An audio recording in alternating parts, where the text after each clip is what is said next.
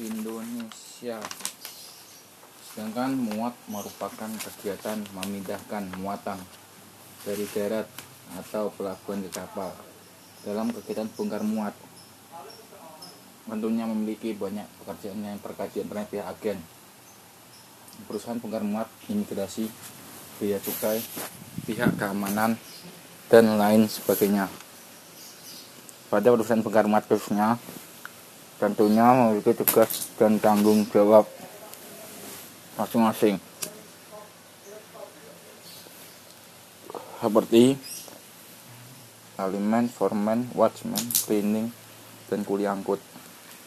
Waktu yang dibutuhkan saat melaksanakan bongkar muat tergantung dari kondisi cuaca dan perusahaan bongkar muat.